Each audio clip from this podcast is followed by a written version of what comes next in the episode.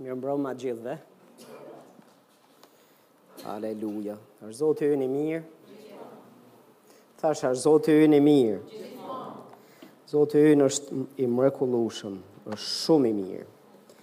Dhe, sot do të flas një mesazh që besoj, Zoti e ka vendosur në zemrën time ta ndaj me ju, besoj që do jetë bekim. Psalmi 34, vargu 19, Psalmi 34, vargu 19, thotë, të shumta janë vuajtjet e njeriut të drejtë, por Zoti e çliron nga të gjitha. A mund ta themi gjithë së bashku këtë fjalë? Të shumta janë vuajtjet e të drejtit. Por Zoti e çliron nga të gjitha. E di njerëz të Zotit, um, simbas këtij shkrimi është e qartë, po ky shkrim nuk është i izoluar vetëm në testamentin e vjetër, ti e gjen edhe në testamentin e ri, ti e gjen gjithandej, kur i kemi thënë po Jezusit, ne jemi bërë të drejtë. Por fakti që jemi të drejtë, kjo nuk nuk do të thotë që ne nuk do kemi vuajtje asnjëherë. Dhe në qoftë se përballesh me vuajtje, ti nuk duhet të zhgënjehesh dhe nuk duhet të duket sikur ça po ndodh me ty, sepse ti je në Zotin. Në fakt, një nga sfidat e besimtarëve të ri, sidomos të rinjve, foshnjëve në besim, është kur kur përballen për herë të parë me këto sfidat dhe vuajtjet që vijnë menjëherë mbas shpëtimit. E di, sa prej jush mbani mend atë eksperiencën e parë, prekjen e Zotit, faljen e shpëtimin atë në atë fazën e parë. Mm? Ju e mbani mend, të është dukur sikur je në qiell. Wow, i lehtësuar, i shenjtë, i pastër. Me një paqe të përkryer, plot me gëzim, çdo gjë mrekulli. Dhe pastaj kur përballesh me vuajtje dhe kur përballesh me sfida, ëh, është komplet një realitet që të bën që të mendohesh ça po ndodh me ty. Po dua t'ju them që pse je i drejtë, Nuk na është premtuar që nuk do vuajmë. Madje, Shkrimi i Shenjtë nuk thotë të pakta janë, po thotë të shumta janë vuajtjet e të drejtit. Lajmi i mirë është që Ai na çliron nga të gjitha. Tani, njerëzit në botë pa Jezusin, edhe ata vuajnë, po nuk kanë premtim se Perëndia do t'i çlirojë nga të gjitha. Dhe është e tmerrshme të jesh në një situatë ta jetosh jetën ku ti mund përballesh me sfida dhe vuajtje nga më të çuditshmet dhe të ndryshmet në jetë, pa rrugë zgjidhje dhe pa rrugë dalje, dhe të mos kesh ku të mbështetesh, dhe mos të kesh premtimin se Zoti do të çlirojë ty nga të gjitha. Po ai premton se të drejtët do t'i çlirojë nga të gjitha. Dhe ne jemi bërë të drejtë, jo për shkak të aftësive tona dhe veprave tona, ne u, na është dhënë dhuratë drejtësia. Jemi bërë të drejtë për shkak të gjakut të çmuar të Jezusit. Ktheu nga ai që ke anash dhe i thuaj, nuk je dhe aq i drejtë, edhe pse dukesh, edhe pse hiqesh, edhe pse aktron, Nuk je aq i drejtë. Por je bërë i drejtë për shkak të gjakut të Jezusit. Për shkak të kryqit, për shkak të veprës Zotit tonë Jezus, ne u falëm, ne u shfajsuam, ne u bëmë të drejtë. Dhe tani që jemi të drejtë, Bibla thotë të shumta janë vuajtjet e të drejtit. Ah, sa nuk do doja që ta dëgjoj këtë fjalë. As ta them, as ta dëgjoj, as ta predikoj, por ja që është e vërteta e Fjalës Zotit, thotë të shumta janë vuajtjet e të drejtit. Por, lajmi i mirë është që Zoti na çliron nga të gjitha. Dikush thotë, Amen. Tani, mua më rezulton njerëz Zotit, që ka dy raste, Kur i drejti vuan dhe vuan shumë. Një rast është se i drejti ia ka bërë vetes. E di që s'na pëlqen ta dëgjojmë, po mua më rezulton që i drejti për shkak të dobësive, të vendimeve të gabuara, ë disa rrugëtimeve në kokëfortësinë e vet, e qafëfortësinë e vet, e gjen veten në vuajtje, në dhimbje, Dhe në shtigje ku Zoti nuk e ka çu dhe vuan. Dhe ka plot gjithashtu vuajtje që i drejti kalon sepse është duke ecë në shtegun e Zotit, në qendër të vullnetit Perëndisë, është duke bërë atë që është e drejtë në sytë e Tij, po jeton i shenjtë e i pastër, po jeton me perëndishmëri por vuan. Nuk është faji i tij, nuk është se ia ka bërë ai vetes, por se është gjendur Në qendër të vullnetit Zotit. Janë këto dy rastet, por, njerëz të Zotit, është në këtë krah, apo është në këtë krah, cilado të qoftë arsyeja që ka sjellë shumë vuajtje mbi të drejtin, Perëndia premton se do ta çlirojë nga të gjitha. Lajm i mirë për mua është që edhe nga ato që ia kemi sjellë kokës tonë, Zoti na çliron, nëse bëjmë gjënë e duhur. Lëre më për ato gjëra të cilat ne nuk ia kemi sjellë vetes, por na kanë ardhur sepse ne jemi në qendër të vullnetit të Zotit. Dhe dua t'ju mësoj pak në lidhje me këtë subjekt dhe t'ju mësoj se si mund të mund të përballemi përballemi me vuajtje nga më të çuditshmet e të ndryshmet dhe se çfarë mund të bëjmë ne që t'ia dalim e të kalojmë në krahun tjetër pa u rrëzuar, pa u dëmtuar. E di, uh, më lini t'ju them fillimisht nja pesë arsye, të cilat bëni mirë kur vuani, t'i shihni se cila nga këto mund të jetë, sepse për secilën duhet veproni ndryshe. Nuk mund të veproni njësoj si për çdo vuajtje dhe si për çdo rast. Se ka ca raste që thashë, ti ia sjell vuajtjet vetes. Dhe ka ca raste që s'ia ke sjellë vetes. Ka ca raste që të vijnë nga burim tjetër. Dhe ne do të shohim se nga mund të vijë. Janë nja pesë arsye pse ti mund të vuash. Ose nga vijnë vuajtjet. Më leni t'jua them, një nga një, ato çfarë unë shoh në Fjalën e Zotit. E para, është kur ti je jashtë vullnetit të Zotit. Kur ti je jashtë vullnetit të Perëndisë, ti mund të vuash. Kemi një libër të tërë në Bibël, Jonën. Sa prej jush e keni lexuar dhe e dini historinë e Jonës? Jona hypi në anije në të kundërtën e Nineves. Perëndia i tha shko në Nineve e prediko pendesë për ata njerëz që të shpëtohen dhe çfarë bëri Jona? Jona hypi në anije, hyri në thellësi të anijes, ia futi gjumit dhe u nis komplet në të kundërt të Nineves, sepse nuk donte të shkonte në Nineve. Dhe ne e dimë se çfarë e gjeti Jonën. Tani njerëz të Zotit, jo çdo vuajtje është Satani. Jo çdo vuajtje është për shkak të tjerëve. Ka ca vuajtje që janë për shkakun tënd, sepse ti ke dalë jashtë vullnetit Zotit, jashtë thirrjes dhe dhuratave që Zoti të ka dhënë, po po e marr pak edhe në mënyrë të natyrshme, edhe në të natyrshmen. Për shembull, në qoftë se ti nuk, ty nuk të jepet, nuk e ke një dhuratë a një tak, nuk e ke hirin për të bërë një gjë dhe ti je pozicionuar për ta bërë atë, ti do të sforcosh e frustrosh veten, do frustrosh dhe tjerët. Do vuash vetë dhe do vuajnë dhe tjerët. Pse? Se je në pozicionin e gabuar. Je duke bërë një rol që ti s'mundesh ta bësh. Nuk e ke hirin mbi vete. Është nga ato që kam thënë pastorin Kish, Të këndoj unë tani dhe të drejtoj grupin e adhurimit. Jam i sigurt që ju do e vlerësoni shumë. Pozicionimi i gabuar që ti mund të jesh duke i shërbyer Perëndisë me gjithë zemër, me gjithë shpirt, trupit Krishtit, po sforcohesh dhe po përpiqesh të bësh shumë, Po je i pozicionuar atje ku Zoti s'tka s'tka vajosur, s'ka dhënë as hirin dhe as nuk e ke nuk e ke uh, talentin dhe dhuratën për ta bërë atë Dhe ti je i pozicionuar gabim, do frustrosh veten dhe gjithkënd tjetër. Pse? Sepse je duke po përpiqesh të bësh një gjë që s'është për ty.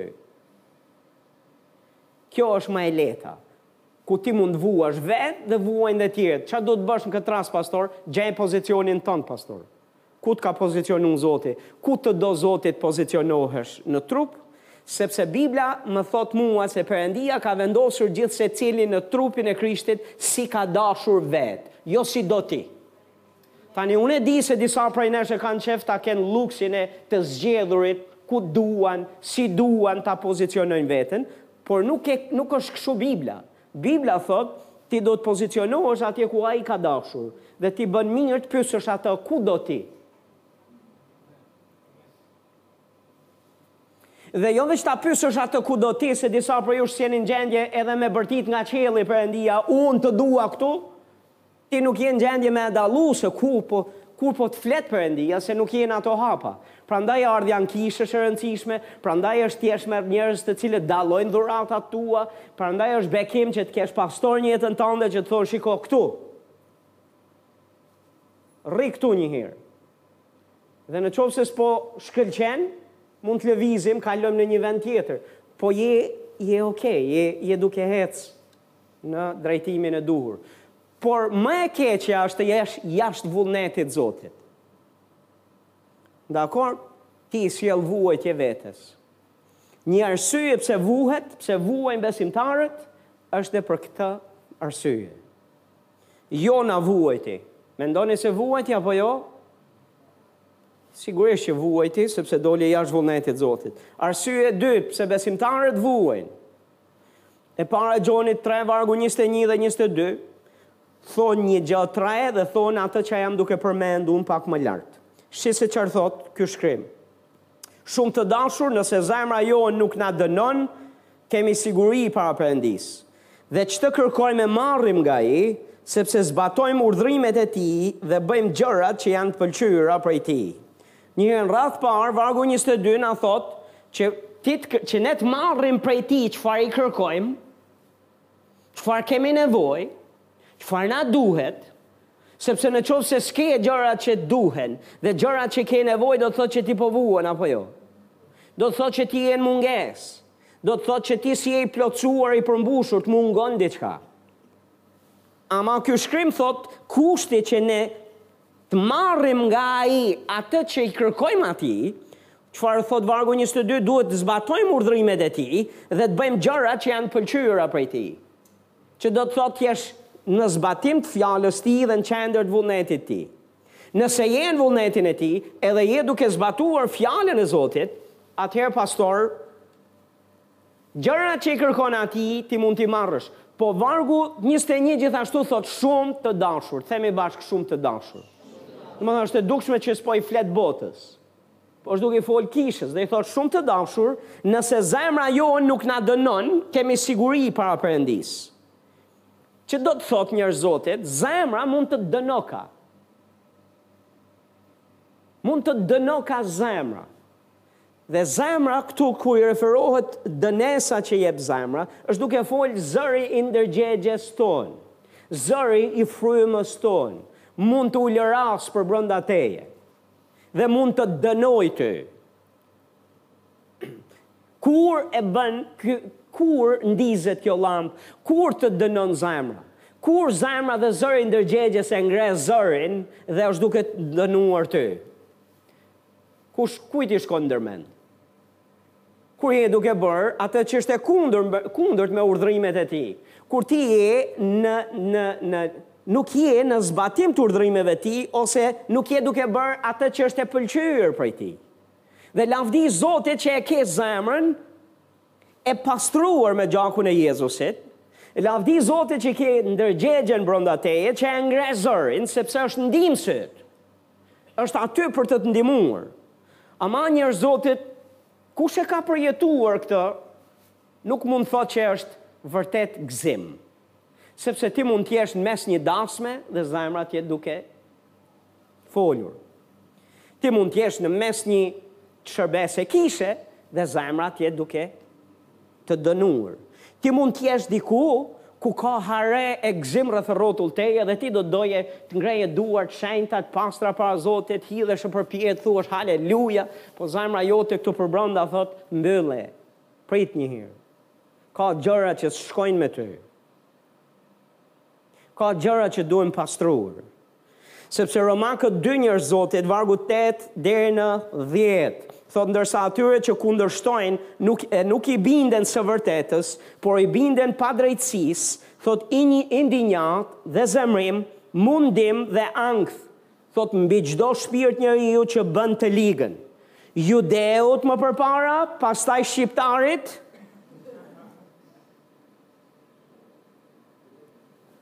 Apo më falni qenka grekut, me grekët e ka pas zoti gjithmonë. E dimë ne shqiptarët që me grekët e ka pas zoti gjithmonë. Ka një arsye pse ka thënë zoti grekët. Po kur thotë grekët e ka fjalën për gjithë grekët si ne. Si ata, jo hebrenjtë. Përfshihemi dhe ne. përfshihet gjithë ata që nuk janë judenj.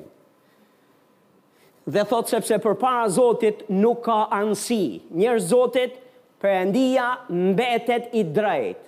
Jezusi nuk vdiq që ta bëjë Perëndinë të padrejtë. Jezusi vdiq që të përmbushet çdo drejtësi e Perëndisë. Dhe ai të mbetet i drejtë. Dhe ai të mbetet i drejtë, ndërsa të falë ty.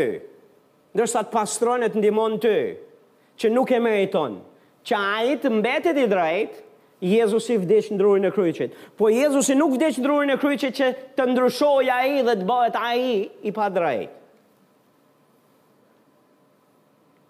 I pa, e, e, edhe i anshëm dhe të tregojë anësi. Jo njerëz të Zotit, nuk ka rëndësi je, je besimtar. Kishe. Je pastor. Je kush je. Je njeri, je grek, je jude, je i bardhë, je i zi, je i kuq, je i larmë. A je duke dëgju, mëkati është mëkat kushdo që e kryen atë, kushdo që thotë kundërshton e nuk i bindet të vërtetës. Kushdo që e kundërshton dhe nuk i bindet të vërtetës. Le të themi bashkë, kushdo që e kundërshton dhe nuk i bindet të vërtetës.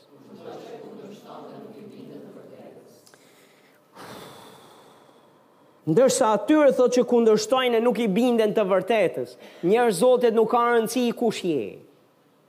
Se është një mendësi në kishë dhe në trupin e Krishtit, sepse jemi të drejtë, sepse jemi fëmijët e Zotit, ne tani kemi lirinë e plotë, e kemi lirinë që edhe po kundërshtuam dhe nuk ju bindëm të vërtetës, Perëndia ka një standard tjetër për ne. Po jam këtu për t'ju thënë, nuk ka standard tjetër për ne. Madje njerëz Zotit, për ne standardi është më i lartë dhe nëse bota ka justifikim, ne nuk kemi justifikim. A e dini se bota është më e justifikuar se sa ti dhe unë? Nëse nuk zbatojmë urdhërimin e Zotit dhe në qoftë se kundërshtojmë të vërtetën dhe s'i bindemi, a e dini se bota ka më justifikim, po të ketë justifikim, se sa ne? Më lini t'ju shpjegoj pak. Çfarë justifikimi ke ti që je plot me Frymën e Shenjtë? Çfarë justifikimi ke ti që je i rilindur dhe që t'është shkulur zemra prej guri dhe t'është dhënë një zemër mishi? Çfarë justifikimi ke ti që je një me Zotin? Çfarë justifikimi ke ti dhe unë që kemi parë e kemi dëgjuar gjërat që kemi parë dhe kemi dëgjuar? E di më kujtohet në Testamentin e Ri te Ungjijtë Jezusi i foli në mënyrë të veçantë një vendi që quhet Korazin. Keni dëgjuar për Korazinin apo jo? Jezusi i tha mjerë ti. Po të ishin bërë thotë veprat që janë bërë në mesin tënd. Në Sodoma dhe Gomorra. Do të do të kishte ma shpresë, ka ma shpresë për ta ditën e gjyqit se sa për ju, se po t'ishin bërë mund t'ishin penduar. Por megjithëse u banë gjithë ato gjëra që unë bëra, thotë tek ju, thotë mjerë ju, thotë sepse nuk u penduat. Megjithëse patë. A jeni duke dëgju? Ka para Zotit nuk ka anësi. Nuk ka anësi kur vjen puna për ligësinë dhe kundërshtimin e të vërtetës. Dhe po pastor do të vuash. Dhe në qoftë se vuan nga ankthi, vuan nga këto e, padrejtësia, më falni indinjata, zemrimi, dhe mundohesh, Ok, nuk është e thanë patjetër që është djalli mbrapa. Dhe nuk është e thanë patjetër që i kanë fajet të tjerët. Mund të jetë tërësisht faji i atij që sheh n'pasqyrë. Kur t'dalësh para pasqyrës, mund të jetë faji i atij. Dhe zemra jote është ajo që të tregon. Në qoftë se ka gjëra që nuk shkojnë, sepse zemra jote është një me frymën e shenjtë, është një me Perëndinë. Dhe Perëndia do që ti të jesh i pastër e i shenjtë para tij. Amen. Dikush thotë amen. Amen. Okej, okay, vuajtje. Tani, ju thashë, Perëndia na çliron nga të gjitha. Ama për secilën, ka hapa të ndryshëm. S'mund të bësh Të njëjtën gjë që duhet të bësh në këtë rast, në këto rastet e tjera që do flas. Këtu flas për një një një vuajtje tjetër që Bibla flet. Është kur mishi yt lufton frymën tënde. Kur mishi yt ka përplasje me frymën tënde. Dhe me ç'ra fjala, kjo përplasje do e kesh gjithë kohës. Mishi yt kundër frymës tënde. Galatasit pesë vargu shtatëmbëdhjetë thotë sepse mishi ka dëshira kundër frymës dhe fryma ka dëshira kundër mishit dhe këto thotë janë të kundërta me njëra tjetrën dhe këto i ke ti edhe mishin edhe frymën fryma jote thotë do t'i bindet Perëndisë do që të ndjekë Perëndinë do që të bëjë vullnetin e Perëndisë mishi yt nuk e ka fare dëshirë këtë gjë Tek Mateu 26, vargu 41, Jezusi tha rrini zgjuar dhe lutuni që të mos bini në tundim, sepse fryma është gati, por mishi është i dobët. Jezusi vetë u përball me këtë betejë dhe dhe tek ungjijtë aty na tregohet se çfarë ishte kjo betejë. Jezusin ti e gjen për herë të parë të jetë i trishtuar për vdekje. Dhe Bibla thotë u lut gjithë natën. E u lut, e u lut, e u lut, e u lut sepse kishte ishte duke vuajtur. Ishte duke vuajtur sepse mishi i tij thoshte jo me pi kupën e zemrimit. Të X-it dhe Y-it, të atyre që kanë jetuar atëherë, jo tanën se tonën se ne ne jemi të pastër. A jeni duke gju që mos ta pinte atë kupë, mishi i tij nuk donte ta pinte atë kupë. Mishi nuk kishte dëshirë ta, ta bënte këtë gjë. Dhe Jezusi ishte në betejë. Betejë mishi i tij me frymën e tij. Fryma donte t'i bindej atit, mishi nuk donte t'i bindej atit. Dhe në këtë betejë, Jezusi vuajti gjithë natën. Ndërkohë që dishepujt po flinin gjumë, Jezusi ishte në këtë betejë, ishte në këtë vuajtje. Edhe ti do të vuash, pastor, në qoftë se do të jetosh sipas frymës Zotit dhe sipas frymës tënde të rilindur. Edhe ti do ta gjesh veten të vuash, sepse fryma jote do të thotë jo këtë filmin këtu. Fryma jote do të thotë jo këtë veshjen këtu. Fryma e jote do të thotë jo këtë lloj luku e pamje që ti po prezanton këtu. Fryma e jote do të thotë jo këto rrobat kaq e të hapura këtu dhe të hapura atje. E fryma e jote do të thotë jo këtë gjanë këtu, po do të thotë po këtë gjanë tjetër. Dhe do të të thotë gjanat që ti t'i bësh, të cilat janë kundërshtim me dëshirat e mishit tënd. Fryma do të thotë të bësh gjanë e duhur, të lexosh Fjalën e Zotit, të lutesh, sa prej jush e di, sa prej jush e keni vënë re se çfarë plogështie ju vjen, çfarë plogështie ju vjen kur ju vjen ideja që të ulesh me lexu Biblën. Si të zë gjumi, e çuditshme. Ose, që të shkosh në lutje. Po tani po më vjen gjumë. S'të ka ardhë gjumë, po të ishte për nonjë film, po të ishte për naj gja, ti rrije nga ora 2-3 natës, as nuk e vret mendjen. Nuk të zë gjumi, fare, po kur të shkon mendja për t'u lutur, disi je duke u zvarritur. Domethënë, do shkoj në lutje. U luta sa? 5 minuta? 6? Po ç'ne, pse është kjo? Pastor, pse? Pse je kështu kaq i plogësht e i lodhur edhe? Pse si ka mundësi, pastor? Sepse është mishi yt, pastor, i cili nuk do të lutet, nuk do të lexojë Biblën, nuk do të të çojë në prezencën e Zotit. Sepse e di që mishi duhet të vdesë në prezencën e Zotit. Oh larg qoft naj agjërim Kishës sotme me i thanë agjëro Shporru prej meje pastor Larg prej meje pastor Ne jetojmë në testamentin e ri Jezusi tha Atëherë ju tha i qortoi farisenjtë dhe saducenjtë Jezusi ju tha për një farë kohe sa kanë dhëndrin me vete Po do t'ju hiqet dhëndri tha do largohet dhe ata do agjërojnë gjithashtu Që do të thotë edhe ne duhet të agjërojmë. A keni vënë re si të hahet bukë? Domethënë, kur agjëron dhe thua, ajo, ajo më vakti i parë, a, Jezus, si ka mundësi. Të hahet. Ti mund të kishe ne, mund të kishe ne gjithë ditën pa bukë, për arsye të tjera, dhe së të shkon fare ndërmend. Kur vjen puna për agjërimin, Disi ti ndihesh i uritur dhe ndihesh sikur po bën një super sakrificë. Sepse është mishi yt, njerëz, që hedh shqelma. Dhe këto janë vetëm ca sfida. Po ka ca gjëra të cilat janë të forta, se mishi yt thotë shko drejt imoralitetit.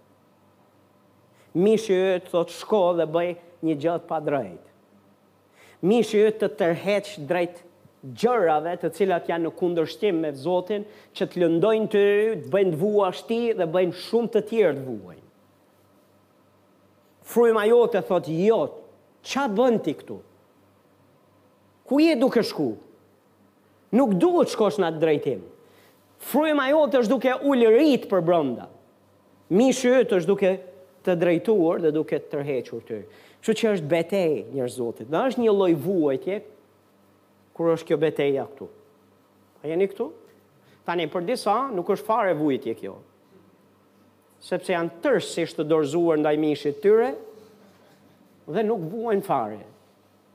Ama kush vuan është fryma e Zotit, fryma vetë, fryma e brëndshme, njeriu i brëndshëm. Sepse njeriu i brendshëm e di se do vijë stuhia. Se njeriu i brendshëm e di se do vinë shirat. Do fryjë era. Do vërshojë përroi. Dhe nuk do ketë forcë për të qëndruar. Vuajtje e kësaj natyre, numër 4. Një arsye pse vuan. E dyta, Timoteut tre vargu dymbëdhjetë, Të gjithë ata që duan të rrojnë me perëndishmëri në Krishtin Jezus do të përndiqen. Me thënë ka vuajtje për shkak të përndjekjeve nga njerëzit. Pse? Sepse nëse do të rrosh dhe të jetosh me perëndishmëri, të jetosh drejt, të jetosh sipas parimeve të Fjalës Zotit, nuk do të jesh në modë. Dhe sigurisht që do kundërshtohesh, sigurisht që do të përndiqesh. Nëse përmend emrin e Jezusit diku, do të trazosh ferrin që është brenda tyre. Do të trazosh errësirën e do të trazosh demonët që janë brenda ca njerëzve. A jeni duke dëgju? Dhe nëse do të jetosh drejt e të jetosh me perëndishmëri, do të përndiqesh, nuk thotë ndoshta do të ndodhë, po thotë të gjithë Ata që duan të rrojnë me perëndishmëri në Krishtin Jezus do të përndiqen. Atëherë pastor kjo është një arsye pse ne nuk rrojmë me perëndishmëri. Se nuk na pëlqen përndjekja. Dakord pastor.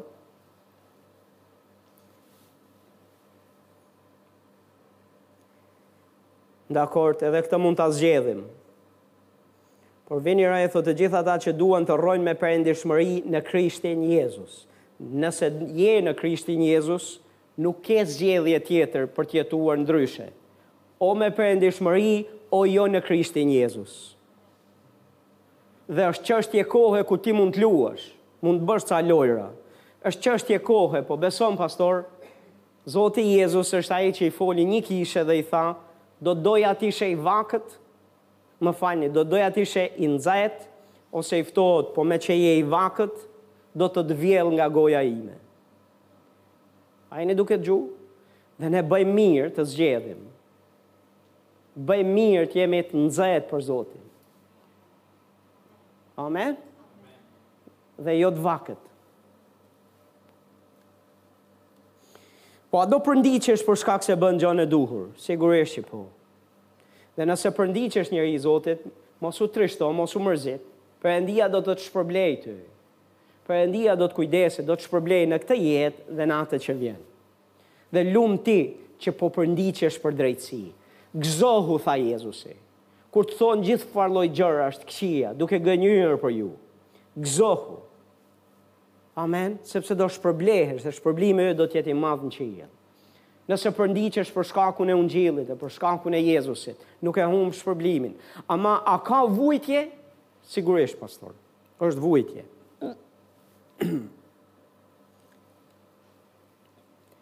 Pesë, një arsye pse vuan, është kur je përballë një sulmi të pastër demonik. Një sulm i pastër demonik dhe kjo mund të jetë mund të ndodhë e ti të jesh në qendër të vullnetit Zotit.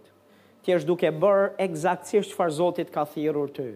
Madje njeri i Zotit, nëse je duke zbatuar fjalën e Zotit dhe je duke e duke iu bindur vullnetit Perëndisë, nuk duhet të jetë habi për ty nëse përballesh me betejë të pazakontë, me betejë frymërore, Me betejë demonike. Te Marku katër Bibla na flet se si dishepujt dhe Jezusi po kalonin në anën tjetër drejt krahinës Gadarenasve. Dhe dishepujt ishin në qendër të vullnetit të Zotit dhe Jezusin e kishin në qendër të varkës tyre Sepse po zbatonin çfarë Jezusi iu tha, Jezusi iu tha që të shkojmë në krahun tjetër dhe ata po kalonin në anën tjetër. Dhe Bibla thotë, diku nga mesi i detit, i udhëtimit, një, një, u ngrit një stuhi e pazakontë e madhe. Dhe po ta studiosh atë, atë lloj stuhie, është e dukshme që ishte e padëgjuar, e paparë ndonjëherë, aq sa dishepujt Një pjesë e tyre ishin ishin peshkatarë profesionistë dhe ishin të vetëdijshëm dhe e dinin llojet e erërave, llojet e stuhive që i kishin parë në në në atë det një jetë. Po si ky nuk kishin parë. Pse? Sepse u frikësuan për vdekje. E Jezusi u çua në mes të asaj dhe i tha stuhisë që të pushojë. Fashiti stuhien. Po a ishte vuajtje? Sigurisht që është vuajtje. Është një vuajtje me me një me një background demonik të pastër. Dhe dhe nuk do hy të flas gjatë për sulme demonike si mund të jenë, se mund të jenë nga forma nga më të ndryshmet, nga mendime, shigjetat e zjarrta të ligut që Bibla flet tek Efesianët, Mund të jetë prezencë demonike, siç është prezenca e Zotit, që ti gjen prehje e gëzim, ti mund të jesh në prezencë demonike, të pazakontë dhe të ndjesh shtypje, të ndjesh torturë, të ndjesh ankth, të ndjesh të ndjesh trishtim, pse sepse ke hyrë në një territor errësire dhe ke hyrë në një prezencë që nuk është e mirë. A jeni duke dëgju? Mund të vijë nga njerëz, po mund të vijë edhe nga rrethana të pazakonta, qofshin edhe dukuri natyrore. A jeni duke dëgju? E gjashta arsye pse ne mund të vuajmë. E gjashta arsye është vuan sepse ka njerëz të liq që s'besojnë. Rreth, pranë, me, Nën e mbi ty. A jeni duke dëgju? T'i them edhe një herë? Po pastor, po ka dhe ca që besojnë. Ka dhe ca, pastor, në dakord? Ka dhe ca që besojnë, por që nuk jetojnë sipas fjalës Zotit dhe bëjnë tjerët të vuajnë. Po është për shkak njerëzve, vuan sepse ka njerëz të liq që nuk besojnë. Bibla na flet e dyta Thesalonikasve tre vargu një deri në dy, thotë më në fund o vëllezër lutuni për ne që fjala e Zotit të përhapet me të shpejt dhe të lavdrohet porsi ndër ju thotë dhe derisa të shpëtojmë thotë nga njerëzit e çoroditur dhe të këqinj sepse jo të gjithë kanë besim. Po njerëz të Zotit ka njerëz të çoroditur dhe të këqinj sepse jo të gjithë kanë besim.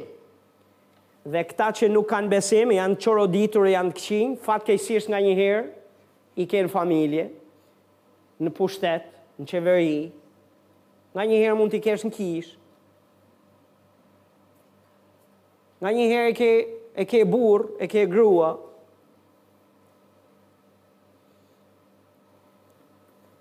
Tek Veprat e Apostujve, kapitulli njëzet e shtatë, vargu tetë deri në njëmbëdhjetë, në mënyrë të veçantë, po ju do të gjeni se apostulli Pal po çohej me anije për në Itali.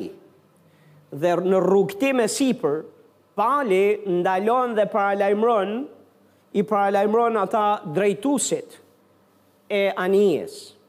Dhe ju thotë këto fjalë, Te vargu dhjetë duke u thanë o burra unë po shoh se lundrimi do të bëhet me rrezik dhe me dëm të madh jo vetëm për ngarkesën dhe për anijen por edhe për ne vetë. Vargu njëmbëdhjetë thotë por centurioni kishte më shumë besim tek timonieri dhe kapiteni i anijes sepse në ato që thoshte Pali.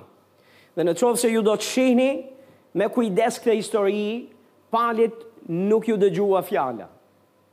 Pali parashikoi dhe pa në frymë dhe tha ka rrezik rrugës.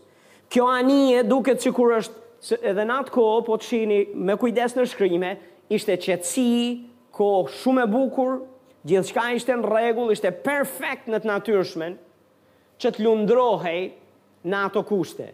Po njeriu i Zotit u ngrit dhe tha jo! Jo të bëjmë këtë lundrim! Megjithëse duket kështu, jo sepse po shoh se do të bëhet e rrezikshme për anijen, por edhe për ne dhe vetë jetën tonë. Por nuk ia vunë veshin dhe nuk e dëgjuan njeriun e Zotit. Dhe ky njeri i Zotit në këto kushte ishte i uh, ishte i burgosur. Nuk ishte autoritet, nuk ishte as kapiteni, nuk ishte as drejtues, as timonieri i anijes. Ai ishte i burgosur. Dhe si i burgosur, kishte një nivel autoriteti dhe të drejte, dhe s'mund ta kapërcente atë nivel të drejte dhe autoriteti, se nuk e pyeti kush. Kështu që çfarë ndodhi, për shkak të fajeve tjerve, për shkak se tjerët nuk zbatuan edhe nuk gjuan zërin e Zotit, dhe nuk bënë atë që u tha, Atëherë vuajtën. Bibla thotë që desh humbën jetën e tyre. Dhe ju do të gjeni çfarë historie e çfarë rreziku të madh, në çfarë rreziku të madh gjetën veten. Po pastor, në qoftë se kemi qeveritarë jo të duhur në mbi vete, që vendosin ligje, që marrin vendime, që japin drejtim, vendit dhe kombit dhe i bëjnë këto në mënyrë të gabuar, ndaras nga Perëndia. Vuhet. Prandaj na bën thirrje fjala e Zotit të lutemi për ta, që ne të shkojmë një jetë të paqtë me çdo perëndishmëri, sepse mund të mos kemi një jetë të paqtë e me çdo perëndishmëri, kur ke njerëz të cilët janë në drejtim dhe nuk i ke në dorë ti. për t'i për t'i ndikuar, sepse nuk dëgjojnë predikimin e Pastor Fatmirit ditën e shtunë. Dhe në qoftë se më dëgjojnë, mundësia ndoshta e tyre është për të thënë, le ta mbyllim këtë kishën Fjala e Gjallë se është dikush atje që është duke folur të vërtetën. Dhe s'duam ta dëgjojmë. Dhe nuk kemi se s'është në dorën tonë që të bëjmë diçka më shumë. Dhe mund të vuajmë, mund të vuajë kisha, mund të vuajë kombi, në familje, mund të vuhet, mund të vuhet në qoftë se martohesh me një jobesimtar, po mund të vuhet edhe në qoftë se e martu me një besimtar, i cili ka zgjedhur që të, që të kthejë rrugë dhe, dhe të braktisë besimin dhe të praktikojë veprat e errësirës. Sigurisht që vuan edhe individi, po vuan dhe martesa. Dhe me gjithë martesën vuan dhe kisha. Vuajnë dhe tjerët përreth.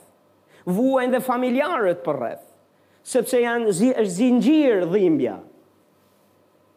A jeni, a jeni këtu apo jo? Mund të jesh në kishën e gabuar dhe të vuash.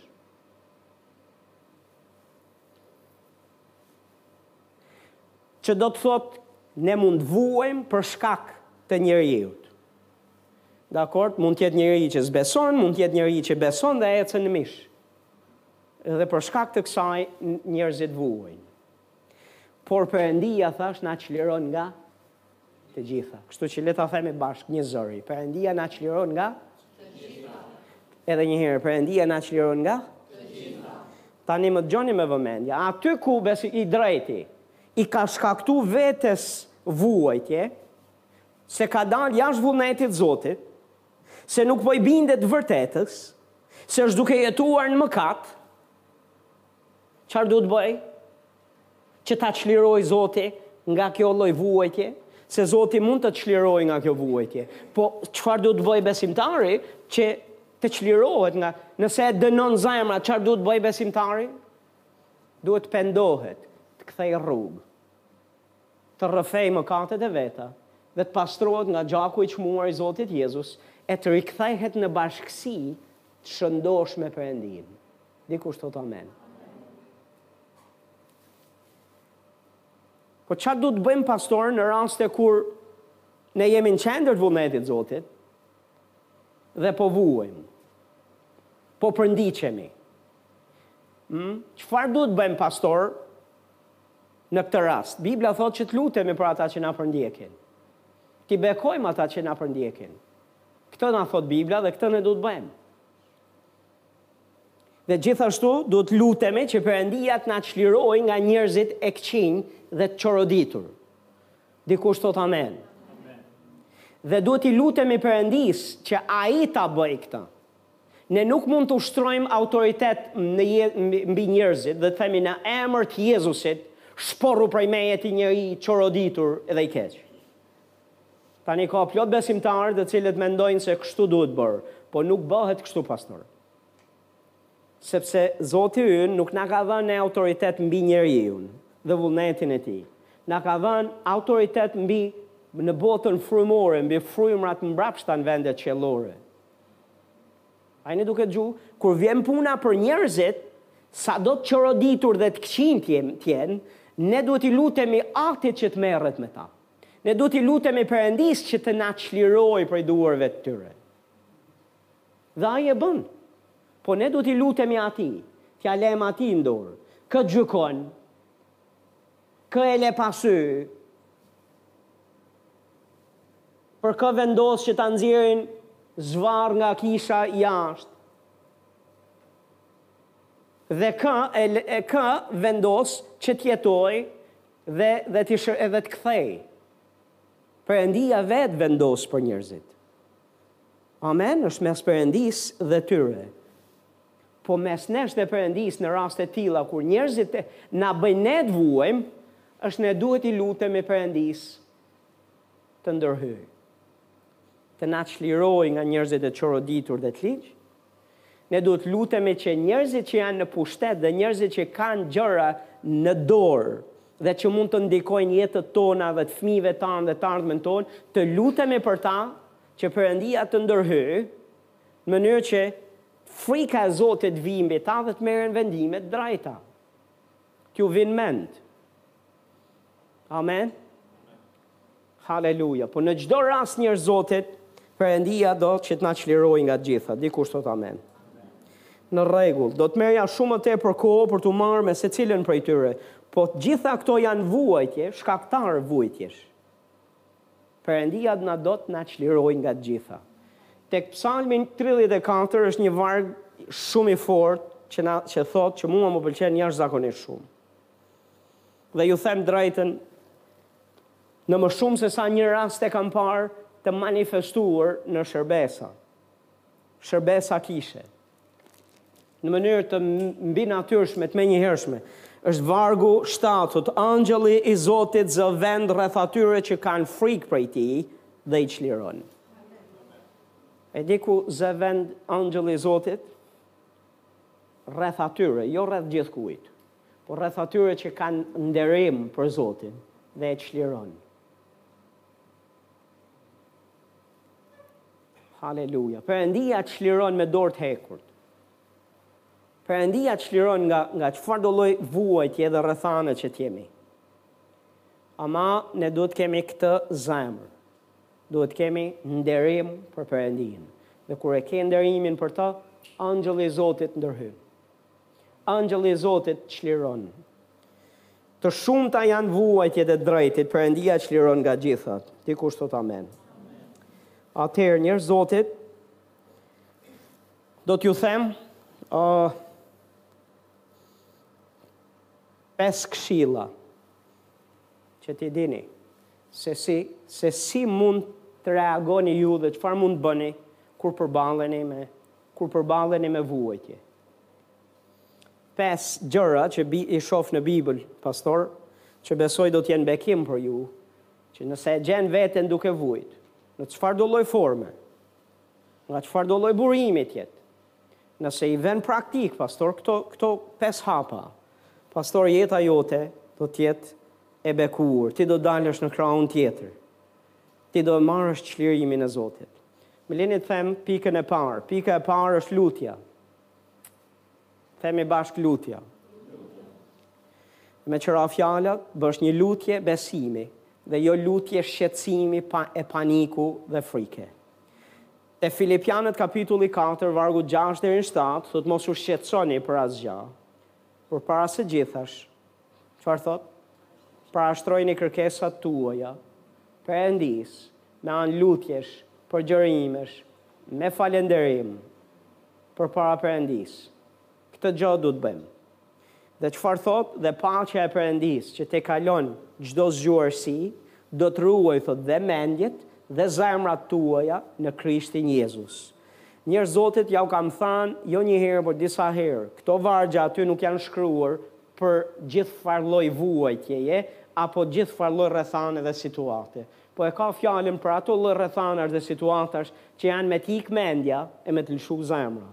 Prandaj Bibla thotë aty që paqe që tejkalon çdo zgjuarsi, çdo zgjuarsi njerëzore që të ruajë dhe mendjen dhe zemrën. Pse? Sepse ka ca situata me përmasa presioni dhe me përmasa aq të mëdha me peshë aq të madhe saqë mund të të bëjë të të ikë mendja. Të përfundosh në çmendi, njerëz të Zotit, me pak fjalë. Dhe të të dekurajosh e të të lëshojë zemra. Po ça duhet të bësh?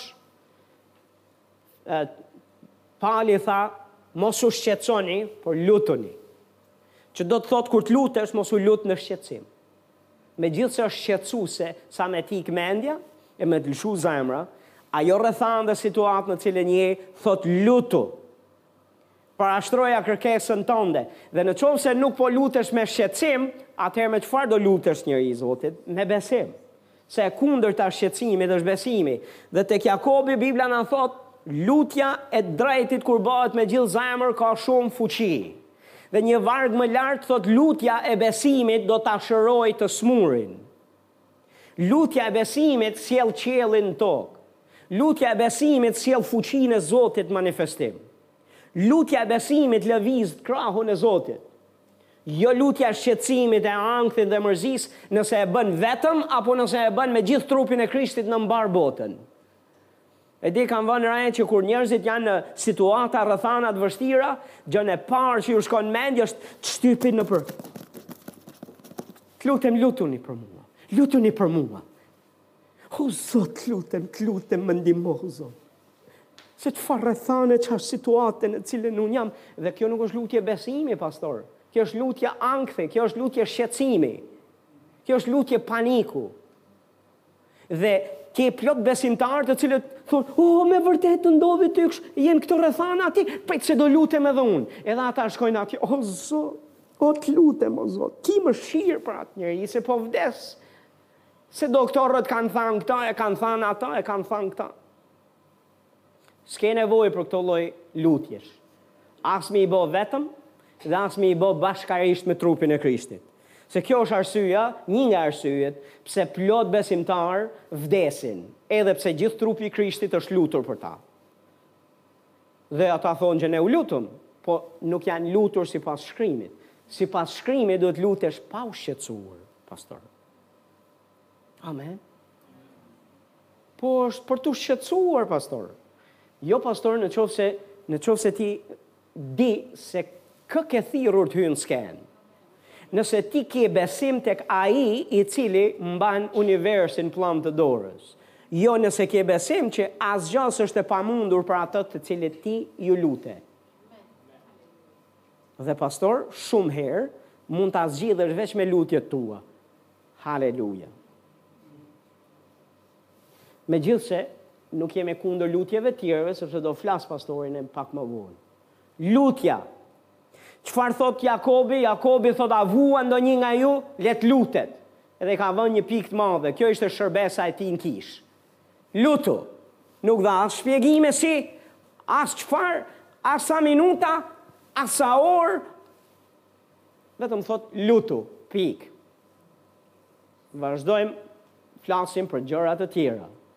Kur lut, kur je duke vujt, ça duhet të bësh pastor? Të them, them pastori, mos shko të qash, të vajtosh, të merresh me thashetheme, të shkosh të takosh dhe të mbledhësh grupin e vajtuesve të kishës, edhe të qaheni me njëri-tjetrin, se sa në hall edhe sa e vështirë është jeta në të cilën ti je, domethënë gjendja në të cilën ti je, Hum edhe t'ia t'ia merrni kangës i mjeri ti i mjeri ti. Jo njerëz Zotit. Bibla thot lutu. Gjithashtu është shumë e veçantë se pak më lart thot a është ndonjë smur në mesin tuaj që s'duhet të jetë, po nëse është ndonjë, thot le të thërrasin pleqt e krujës. Më falni. Pleqt e kishës. Dhe pleqtë e kishës të bëjnë lutjen e besimit. Nëse dikush do ta dijë një kualifikim për të qenë plak kishe, më lini t'jua them, nëse nuk di të bëjë lutje besimi, nuk është plak kishe. Është plak kruje.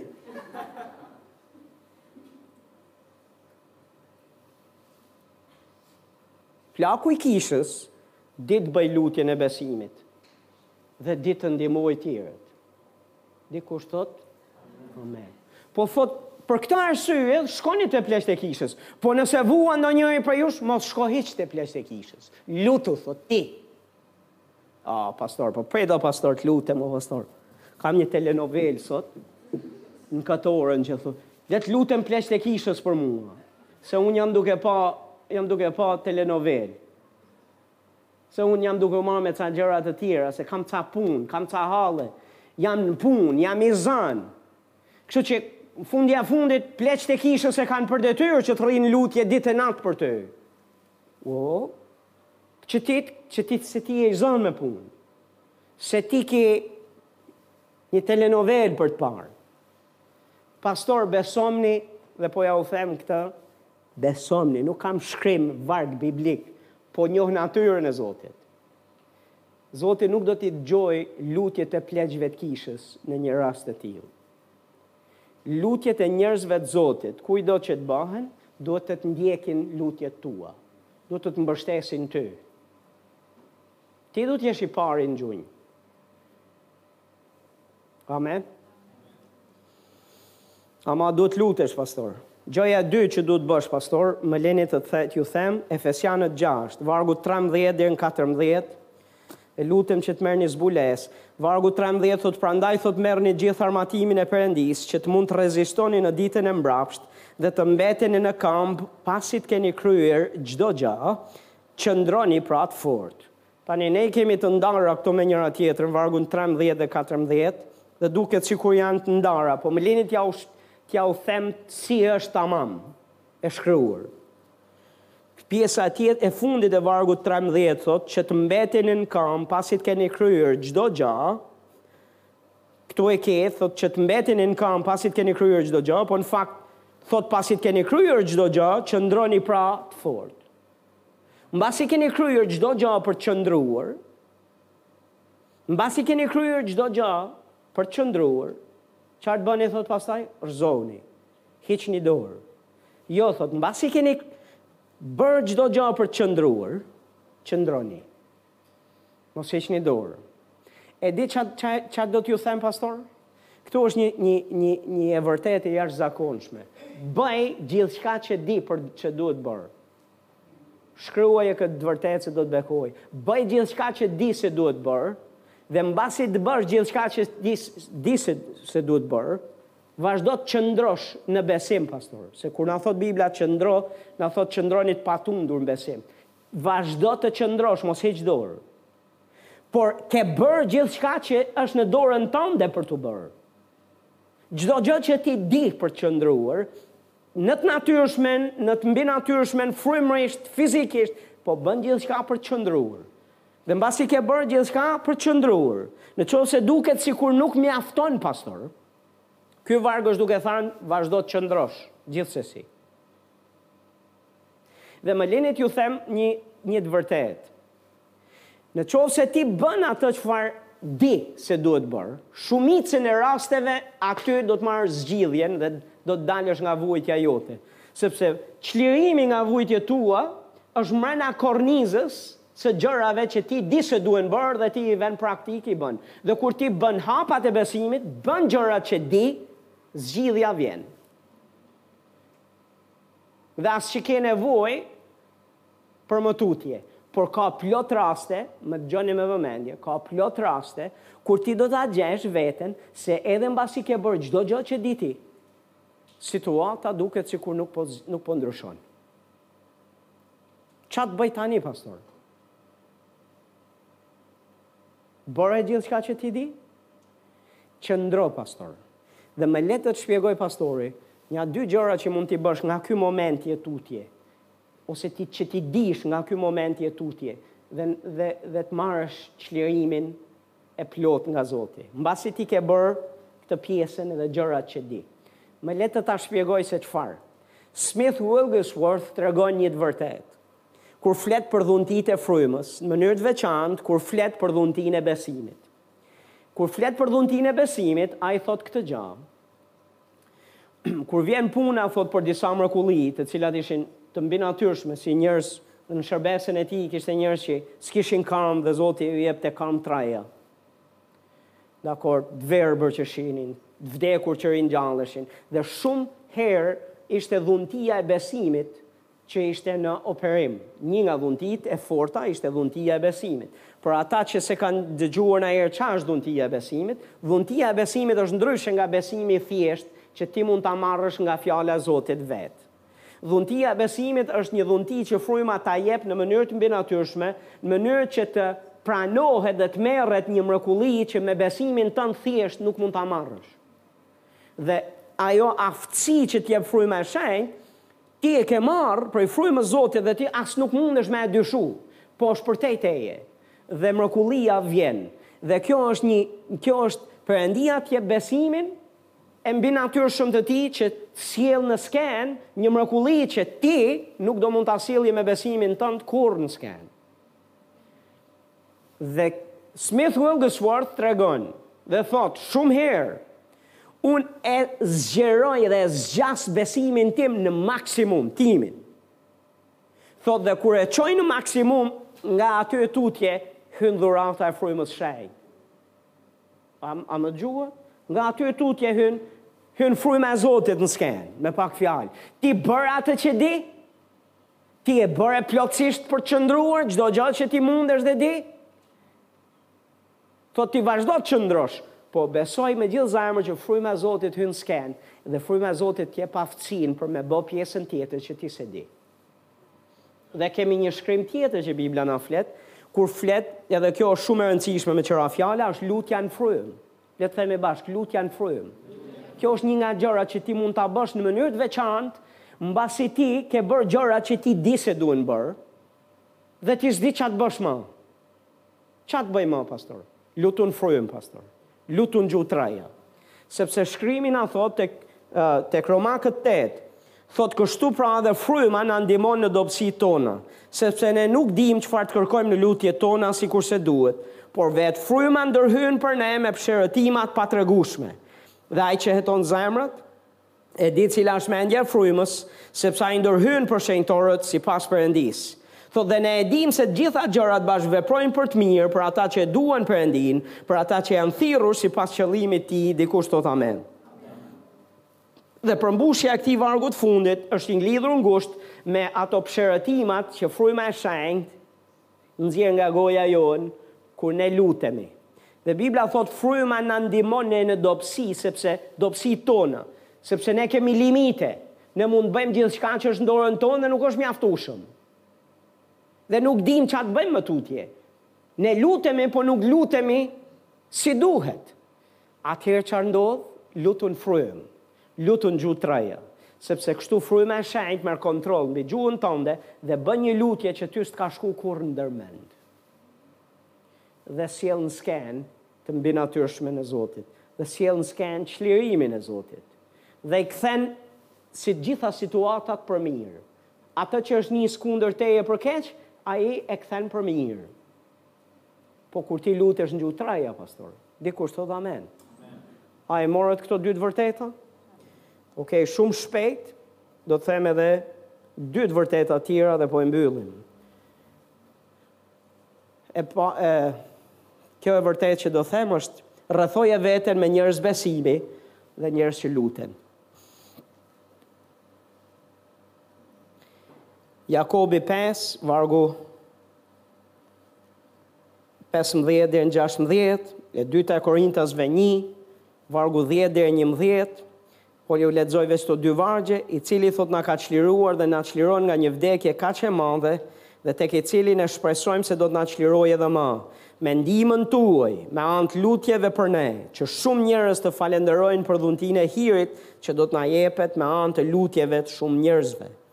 Ça është duke thanë? Është duke thanë që Zoti, thotë Pali, do të na çlirojë, na ka çliruar, do të na çlirojë dhe do të na çlirojë edhe ma. Jemi të bindur. Dhe ju e dini se kam dhanë një mësim të tërë veç për këtë varg, për gjendjen në kushtet në cilat ai ndodhej. Se kishte ardh në pikën ku thotë e kishim vendimin e vdekjes, e sigurt që ishim vdekur, por thotë Besuam te Perëndia që ringjall të vdekurit. Ju e dini që Pali u la për i vdekur më shumë se sa një herë. Edhe e pa se si Zoti e ringjalli. Edhe në këtë rast e pa se kam ardhë përsëri te pika ku do vdes, me sa shof, dhe çfarë është duke thanë është, besimi im është që mbasi të vdes u pa puna, e kam provu edhe përpara, Zoti do më ringjallë përsëri. Por thotë. Besimi ynë është te Perëndia, ama thotë Perëndia do na jap hir, këtë lloj hiri, për shkak lutjeve të shumë njerëzve, që dinë si luten me besim dhe që ka shumë rëndësi. Gjaja më e gabuar që mund të bësh kur je duke vujt, është që të shkosh dhe të flasësh me njerëz mishor, me njerëz të dobët në besim, me njerëz që nuk ngrejnë dot pantallonat e veta në mund ta them në këtë mënyrë. Dakord? Dhe ti të shkosh të ndash hallet dhe sfidat tua, është problem. Pse? Sepse do të kesh njerëz që do qajnë me ty. Do vuajnë me ty.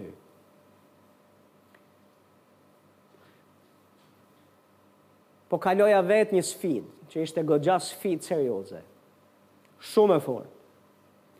Serioze, fizike, dhe dikush një shërbyes i Zotit e pa atë gja dhe u kthy më pyeti dhe mbasi më pyeti për atë situatë, më detyroi që t'i tregoja sepse mendova se do të jetë në nivelin e besimit aty ku mund ta mbajë këtë gja. Ëh? Po, unë nuk jam marrë fare me atë situatë se e lashë në, në, në duart e Zotit, ndërsa ça do thoni ju a ka nejt i qetë ai shërbyesi tjetri? Herë mbas here, alo, si je? A je mirë? Si është ajo gjoja? Si po e kalon atë situatë? Më shumë kam dëgju telefonata, Dhe dhe jam marrë me këtë pjesë, sa gati gati më është dashur t'i kthehem t'i them, të lutem mos u mërzit. Mos u shqetëso më. Ka është ka mbaru. E kemi marrë fitoren i lirë. Se janë ca njerëz të cilët kanë merak, po nuk kanë këllqe besimi. për të mbajtë disa situata dhe që do të thotë pastor gjej njerëz frymëror njerëz besimi rrethoje veten me njerëz besimi një atmosferë besimi amen sepse ndryshe do të kesh njerëz që do vajtojnë me ty siç ndodhi me bijën e Jairit Bibla thotë i vdiq bija e Jairit ishte mbush vendi dhe shtëpia plot me vajtues po çanin çanin çanin se e donin shumë Jairin edhe vajzën e Jairit po Në fund ishte e vdekur. Dhe Jezusi u desht t'i nxjerrë jashtë. I nxori jashtë ata që të bëjë mrekullinë e vet. Ti s'ke nevojë për qarje, ose po do qarje, atë do marrësh. Po nëse je interesuar për mrekulli nga qielli, ke nevojë për njerëz besimi. Ke nevojë për njerëz që nuk ta bëjnë mbar fare. Ke nevojë për njerëz që nuk t'i ledhatojnë emocionet hiç. Që as nuk të pyesin si ndihesh, punë e madhe se si ndihesh. A je në besim? Qëndro në besim. E fundit, pastor. Mbaje të patundur rrëfimin e besimit. E kjo është e fundit. Mbaje të patundur rrëfimin e besimit. Hebrenjve dhjetë vargu njëzet e dy thotë le ta mbajmë patundur rrëfimin e shpresës sonë, sepse besnik thotë është ai që premtoi. Dikush thotë amen.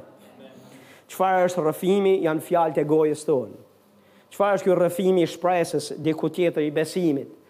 Çfarë është? Rrëfim i asaj çfarë Perëndia flet për ty?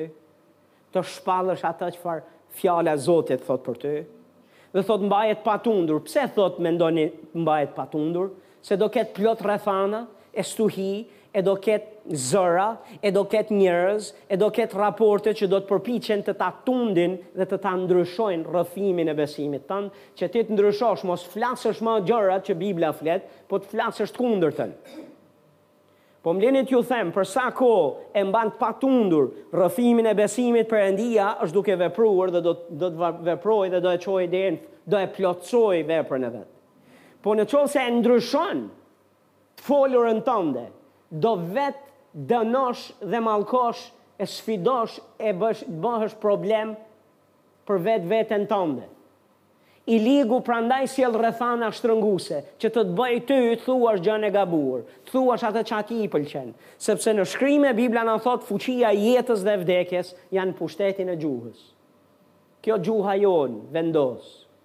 Barku ynë thotë do të ngopet me frutin e buzëve tona. Buzët tona, ajo çfarë themi ne, prodhon Atë çfarë ne do të ngopemi.